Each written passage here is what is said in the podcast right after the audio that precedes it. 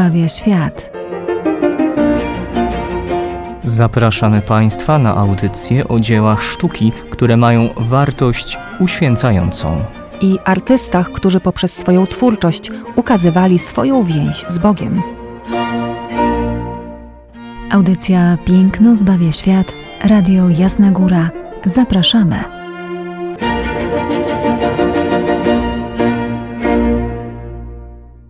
Boże, witamy Państwa we wciąż trwającej świątecznej atmosferze. Izabela Banaszewska.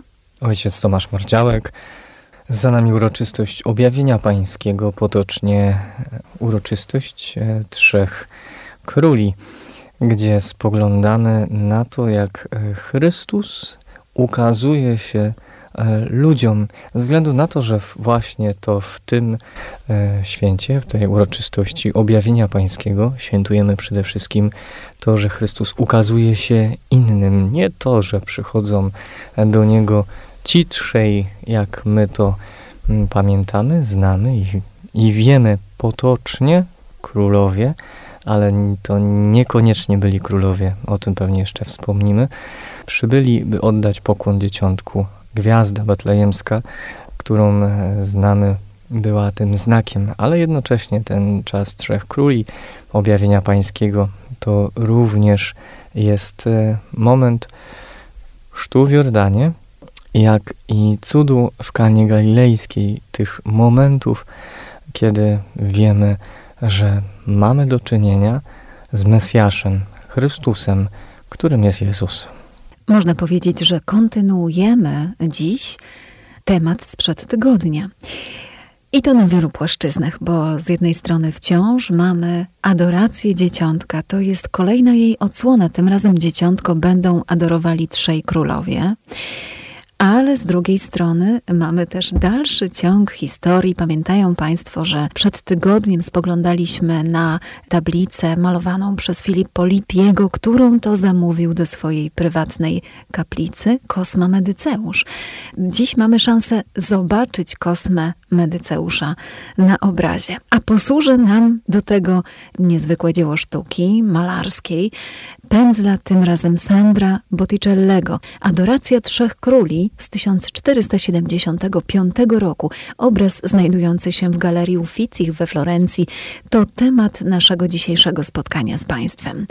A zatem mamy klasyczną, ale i zupełnie nieklasyczną scenę znów Bożego Narodzenia. To jest jedna z wielu odsłon tego tematu, jak już wspomniałam. Mamy Maryję z dzieciątkiem. Maryja trzyma dzieciątko na kolanach. Za jej plecami widzimy świętego Józefa, ale to, co dzieje się u podnóża, jakoś przestaje nam się zgadzać. Ojcze, tutaj powinniśmy mieć trzech króli, trzech magów. Każdy z nich, zgodnie z tradycją, jest przedstawiony tutaj w innym wieku. Tak? Mamy starca, mamy mężczyznę w wieku dojrzałym i mamy całkiem młodego króla. Tyle tylko, że wszyscy z nich mają białą skórę. A przywykliśmy już do tego, że co najmniej jeden z nich był ciemnoskóry. Poza tym, patrząc na ich stroje, no widzimy, że są to raczej stroje europejskie, owszem z epoki, ale europejskie. Tymczasem, no właśnie, oni byli tak ubrani, przeróżne stroje, jakby nawiązujące do różnych kontynentów. Troszeczkę może powiedzmy o tradycji tego, w jaki sposób tych e, trzech króli, trzech magów przedstawiano i skontestujemy to z naszym e, dzisiejszym dziełem sztuki. Ogólnie spoglądając na pewno na e, obraz Botticellego, Przypomina mi się taki moment e, z mojego dzieciństwa. Były takie zeszyty do zbierania z pytaniem, gdzie jest Woli? I patrząc na ten obraz, zastanawiam się, gdzie są ci trzej mędrcy, trzej magowie. Tak, tak w pierwszej, bo mamy konkretny, spory tłum przed e, świętą rodziną, ale o tym, jak przedstawiano trzech króli, ogólnie mamy tu kwestię tradycji spojrzenia tradycyjnego. Dlaczego? Gdyż Biblia wcale nam nie mówi o żadnych królach. Mówi nam przede wszystkim o mędrcach, a dokładnie o możemy to przetłumaczyć magach, ze względu na to, że z greki jest tam w liczbie mnogiej słowo magoi, którzy przybywają ze wschodu. Prawdopodobnie byli to e, mędrcy pochodzenia e, czy rdzenni jakkolwiek e, Babilonu, którzy mm, jednocześnie mogli być kapłanami, bo to właśnie kapłani, mędrcy zajmowali się astrologią, a wiemy, co przyprowadziło mędrców, magów do stajenki, do Jerozolimy, przepraszam, do Betlejem, a była to e, gwiazda, chociaż też do końca nie jesteśmy pewni. Prawdopodobnie było to niezwykłe zjawisko, które oni zauważyli i jednocześnie znając mm, przepowiednie e, proroków żydowskich, ze względu na to, że w czasie niewoli babilońskiej pisma Izraelitów na pewno były mm, w użytku i zapoznawali się również z nimi Babilończycy, przynajmniej pośrednio, jako też część wiedzy, więc znali te przepowiednie e, i wyruszyli. My natomiast e, często spoglądając w ikonografii czy innych różnych współczesnych przedstawieniach, jeśli chodzi o mm, pokłon trzech króli, już e, czy częściej może wspominać trzech mędrców, widzimy ich właśnie jako przedstawicieli różnych części świata. To, że przybywają ci, którzy oddają pokłon dzieciątku jako cały świat. Świat przede wszystkim e, też pogański to jest moment przecież, gdzie nawet religia mojżeszowa jest w małym kręgu, no gdzie niegdzie są e, tak zwane diaspory żydowskie, ale mimo wszystko jednak świat jest w pełni pogański. I to dygnitarze, bo mimo wszystko e, ci magowie czy mędrcy, kapłani babilońscy byli wysoko postawieni w hierarchii społecznej, więc oni przybywają z dalekich stron, by oddać pokłon małemu dziecięciu, Bogu, Mesjaszowi, inaczej namaszczonemu. E, natomiast e, elity izraelskie, Herod i nie tylko, arcykapłani czy uczeni w piśmie, siedzą sobie w domkach, że się tak wyrażę, i nie są w stanie rozpoznać znaków Chrystusa. Pamiętamy też, że Herod dopiero od mędrców dowiedział się, że znaki prorockie wypełniają się. No właśnie, ojciec zaczął e, ten swój wywód od słów, gdzie są trzej królowie? E, to jest dobre pytanie, bo to wcale nie jest takie oczywiste w tym obrazie. E, dlaczego? Ponieważ spoglądamy na świętą rodzinę umieszczoną na takim delikatnym podwyższeniu, które daje nam tutaj ukształtowanie terenu, naturalne ukształtowanie terenu, a więc na delikatnej górce, gdzie została zainscenizowana, można powiedzieć, stajenka lub też fragment groty groty, bo mamy troszeczkę skały, takiej jakby niby groty, krytej e, taką raczej strzechą, podtrzymywanej przez dwa potężne pnie. To wszystko oparte o rozwalającą się murowaną konstrukcję, a jeszcze gdzieś w tle, całkiem niedaleko, widzimy fragment ruin jakiegoś antycznego pałacu. Więc y, pomieszanie tutaj następuje, jeśli chodzi o te wszystkie mm, detale architektoniczne, więc mamy już dwa potężne kontrasty. Przede wszystkim właśnie ubogą, świętą rodzinę i tłum mieszczan, wśród których my nie potrafimy wyłonić króli. Dlaczego? Ponieważ wszyscy ci mieszczanie stanowią elitę, florencką elitę. Oni wszyscy są świetnie ubrani. Dlatego mamy tutaj problem. To nie jest e, scena na zasadzie trzej królowie, trzej magowie i e, prości pastuszkowie, prawda? Wszyscy tutaj w eleganckich szatach. Dlatego musimy się mocno skoncentrować na tym. Oczywiście atrybuty tutaj nam pomagają tych trzech króli, bo każdy z nich ma nakrycie głowy, które przed Jezusem zostało zdjęte i położone po prostu na ziemi, tak? Najstarszy król, który prawie że dotyka stóp Jezusa, kłania mu się, klęka przed nim, ma nakrycie głowy położone tuż przed swoimi nogami.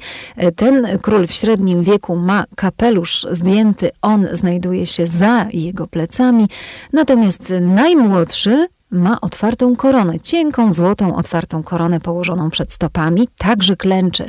Więc e, po tych atrybutach my wiemy, że to na tych mężczyzn mamy zwrócić uwagę. Ale rzeczywiście dzieje się tutaj dość dużo. Obraz jest naszpikowany szczegółami, a przede wszystkim widzimy mnóstwo osób. Te osoby domyślamy się, że są ważne, ale dlaczego? No właśnie, trzeba by tutaj zapytać, kto był fundatorem tego dzieła i dlaczego to dzieło wygląda właśnie tak. No i jeszcze jeden kontrast, o którym wspomniałam na początku, do niego teraz powrócę. A więc jeszcze raz podkreślmy, uboga święta rodzina i bardzo elitarny wcale nie ubogi tłum, tak? No i drugi kontrast e, właśnie, czyli te antyczne ruiny pałacu, tak? Konstrukcji przeznaczonej dla znowu najwyższych, dla monarchów, kontrastują nam z niezwykle ubogą, e, wręcz rozwalającą się stajenką, czy też rodzajem groty, bo faktycznie są tutaj skały w jakiś sposób zamarkowane przez e, malarza.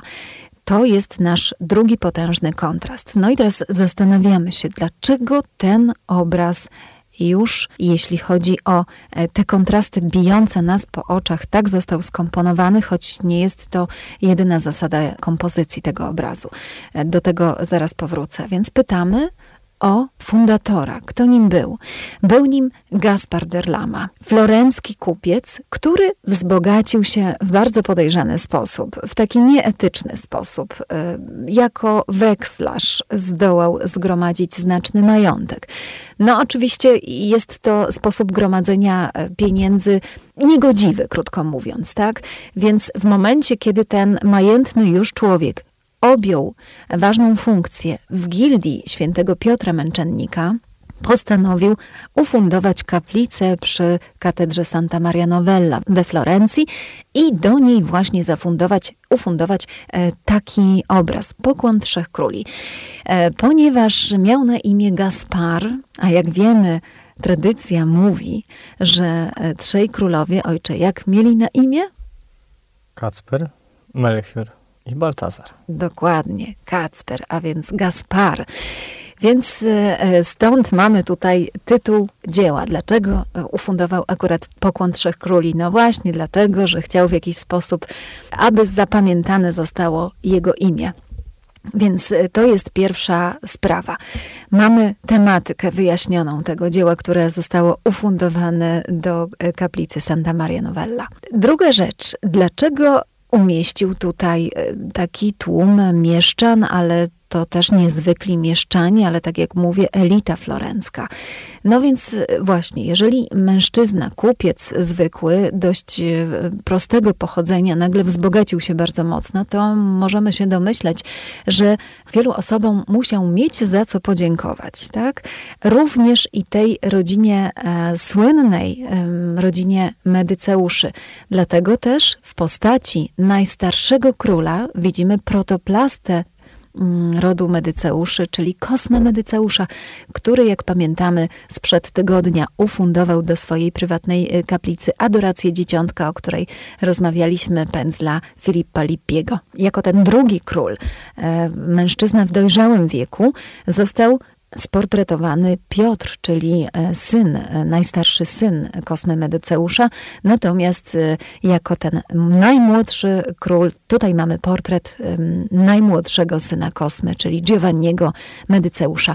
Ale są tutaj także i postacie innych członków rodu Medyceuszy. Mamy zaraz za plecami Kosmy, czyli tego najstarszego króla, Giuliana i Lorenza Medicich. O tych dwóch młodzieńcach także już mówiliśmy e, w audycjach Piękno zbawia świat e, przy okazji omawiania Biblioteki Laurencjany, która wyszła spod dłuta Michała Anioła. Więc e, to kolejni właśnie, którym zapewne Gaspar był coś winien. No i mamy tutaj również i właśnie to bogate mieszczaństwo, ale jeżeli spoglądamy sobie teraz na prawą stronę obrazu, to nasz wzrok przyciąga dwóch mężczyzn, którzy nie spoglądają na scenę główną, czyli na Maryję z dzieciątkiem, nie spoglądają też na siebie, bo niektórzy tutaj zajęci są rozmową z sobą, ale spoglądają wprost na widza, na nas. Jeden z nich, mężczyzna znajdujący się w szeregu, stojącym e, tuż przy murowanej ścianie, rozwalającej się takiej właśnie e, murowanej ścianie, odziany w błękit, to sam Gaspar del Lama, florencki kupiec, który zamówił to dzieło sztuki u Sandra Botticellego. A mężczyzna odziany w żółty płaszcz, w takich właśnie w żółtych barwach, spoglądający również na nas, jest to mężczyzna dużo młodszy, to sam Sandro Botticelli. To jego autoportret i tego jesteśmy absolutnie pewni, ponieważ nie po raz pierwszy umieszcza on swój autoportret w malowanych przez siebie scenach. Spoglądając na całą scenę, którą mamy od Botticellego, wspominając o stajence, tak? Znaczy stajence. Czy to dom, czy to grota, czy to stajenka. Możemy sobie wybrać. Do wyobraźnią, tak przynajmniej ja spoglądam, dorobić resztę e, całości, tak jak uważamy, jak chcemy, ale mm, w tym całym tłumie i tłoku, który dzieje się, jest przed dzieciątkiem, Zresztą myślę, że jest to w jakiś sposób takie wyraziste pewnego e, zaproszenia też nas e, do tego grona ludzi, aby oddać pokłon dzieciątku, że nie jesteśmy odosobnieni, jest nas więcej. Oczywiście to taka już interpretacja moja własna, spoglądająca na to piękne dzieło, ale jak wiemy, stajence pojawiają się i często są umiejscowione zwierzęta. Już wspominaliśmy o wołach i o osłach, e, których tutaj nie mamy, ale jest taki tutaj jeden ptak, co przysiadł sobie na ścianie i Pani redaktor, ja jestem bardzo ciekawy, co on tam robi, a mam na myśli pawia. No tak, rzeczywiście.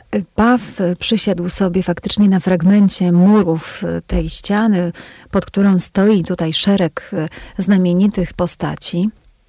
Ale zanim o pawiu e, powiem i wyjaśnię jego znaczenie, to jeszcze zwrócę Państwa uwagę na rośliny, które znajdują się w samym murze, w samej tej strukturze właśnie tego muru. I proszę zobaczyć, że jest to laur. Krzew laurowy to jest taki krzew, który można powiedzieć wyrasta prawie wszędzie. I on się tak wsiał jako taki chwast tutaj, ale on nam tak naprawdę o czymś przypomina. To nie jest tylko dekoracja ściany, żeby tutaj y, w jakiś sposób nam Sandro Botticelli, no nie wiem, stwierdził, że my tutaj potrzebujemy dla równowagi jakiejś dekoracji y, floralnej. Nie, nie, nie, to nie o to chodzi. My wiemy, że laur mówi nam o czym? O zwycięstwie Chrystusa nad śmiercią. No i teraz spoglądamy za chwileczkę na tego pawia. Jego wzrok jest wpatrzony w Jezusa i w scenę główną. I teraz paw ma dwa znaczenia. Pierwsza rzecz mm, to krzyk pawia będzie nas kierował w stronę śmierci Chrystusa jego męczeństwa, a druga rzecz dla nas jeszcze bardziej ważna to paw od wieków już przez pierwszych chrześcijan, przez nawet i starożytnych Rzymian był symbolem nieśmiertelności. Tak naprawdę ten symbol został zapożyczony przez chrześcijaństwo z pogaństwa. On był zawsze symbolem nieśmiertelności. Skąd się to brało? Ponieważ mięso pawia, które było spożywane przez Rzymian, ono się nie rozkładało tak szybko, ono najdłużej zachowywało świeżość. I teraz dzięki temu zyskał on właśnie taki symbol nieśmiertelności, więc zarówno laur, który mówi nam o zwycięstwie Chrystusa nad śmiercią, jak i paw podkreślają, cóż to za dzieciątko i dlaczego temu dzieciątku kłania się tutaj znamienity ród Medyceuszy. Dobrze, że to dodane, bo ja już myślałem na samym początku, spoglądając na obraz. Oczywiście, no, nic jeszcze nie, nie, nie czytając, nie zagłębiając się w symbolikę, że Botticelli zrobił medyceuszom tutaj między innymi taki, taki żart, że to taki dumny ród jest i pawia im tam wcisnął gdzieś na boku. E, no bo dla nas paw od razu kojarzy się z jakąś dumą. Dumny mm -hmm. jak paw. Ale to e, tu myślę, że warto zaznaczyć, jak ważne jest nieraz spoglądanie na pewne konteksty historyczne, kulturalne, bo możemy się bardzo, ale to bardzo pomylić. To prawda, rzeczywiście interpretacja e, prowadzi nas e, w dziełach sztuki poprzez symbole i poprzez szczegóły, ale ich właściwe odczytanie też wymaga od nas pewnej znajomości, kontekstu, dokładnie tak. Ale spoglądamy raz jeszcze, ojcze, na tą scenę i widzimy, że mamy tutaj taki podwójny hołd. Bo wiedząc o tym, kto jest fundatorem e, tego dzieła sztuki, widzimy, że to nie tylko hołd składany Bogu samemu, i dzieciątku jest tutaj najważniejszy, dzieciątku Jezus, ale spójrzmy na to, że jest to również hołd złożony właśnie tej znamienitej rodzinie Medyceuszy, której coś tam musiał zawdzięczać fundator tego e, dzieła sztuki. Bardzo sprytny zabieg, prawda? No ale mimo wszystko, ponieważ było to dzieło sztuki, dokładnie tempera na desce zamawiana do wnętrza sakralnego, oczywiście musiało przyjąć sakralny temat. No i tym tematem e, w związku z imieniem fundatora jakby narzucał się samoistnie temat pokłonu Trzech Króli. Dwie pieczenie na jednym ogniu. Dokładnie tak. A na zakończenie powiedzmy jeszcze, spójrzmy na konstrukcję y, samego dzieła sztuki. Zobaczmy, że jest ona zbudowana na trójkącie, na trójkącie równobocznym. Oczywiście kłaniają nam się tutaj idee neoplatońskie, ale nie to jest dla nas y, w tym momencie najważniejsze. Spójrzmy na wierzchołek tego trójkąta. Generalnie wierzchołkiem trójkąta jest głowa świętego Józefa. E, święta rodzina, w tym wierzchołku właściwie jest e, zawarta.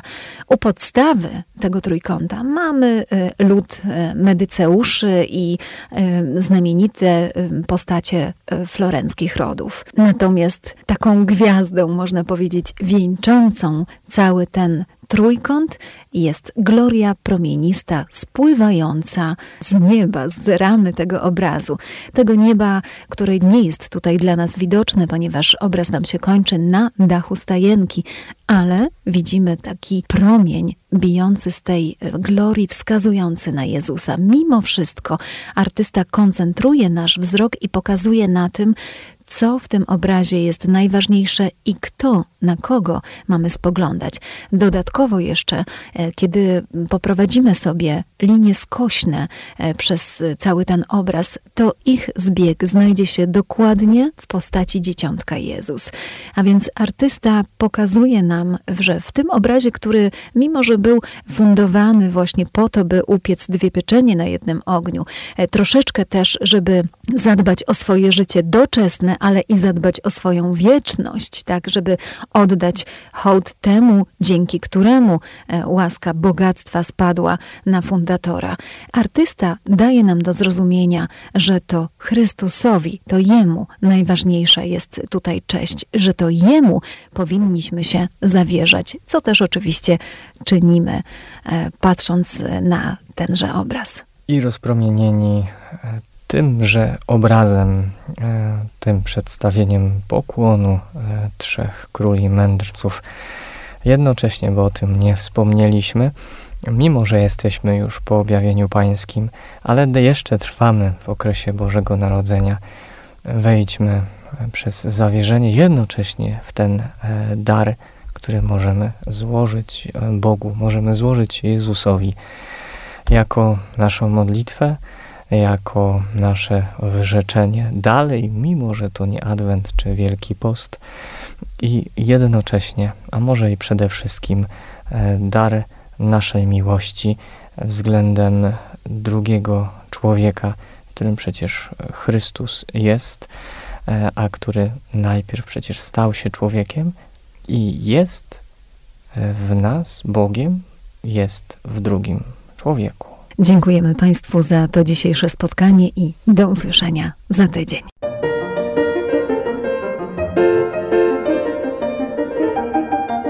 Piękno zbawia świat. Zapraszamy Państwa na audycje o dziełach sztuki, które mają wartość uświęcającą. I artystach, którzy poprzez swoją twórczość ukazywali swoją więź z Bogiem. Audycja Piękno zbawia świat. Radio Jasna Góra. Zapraszamy.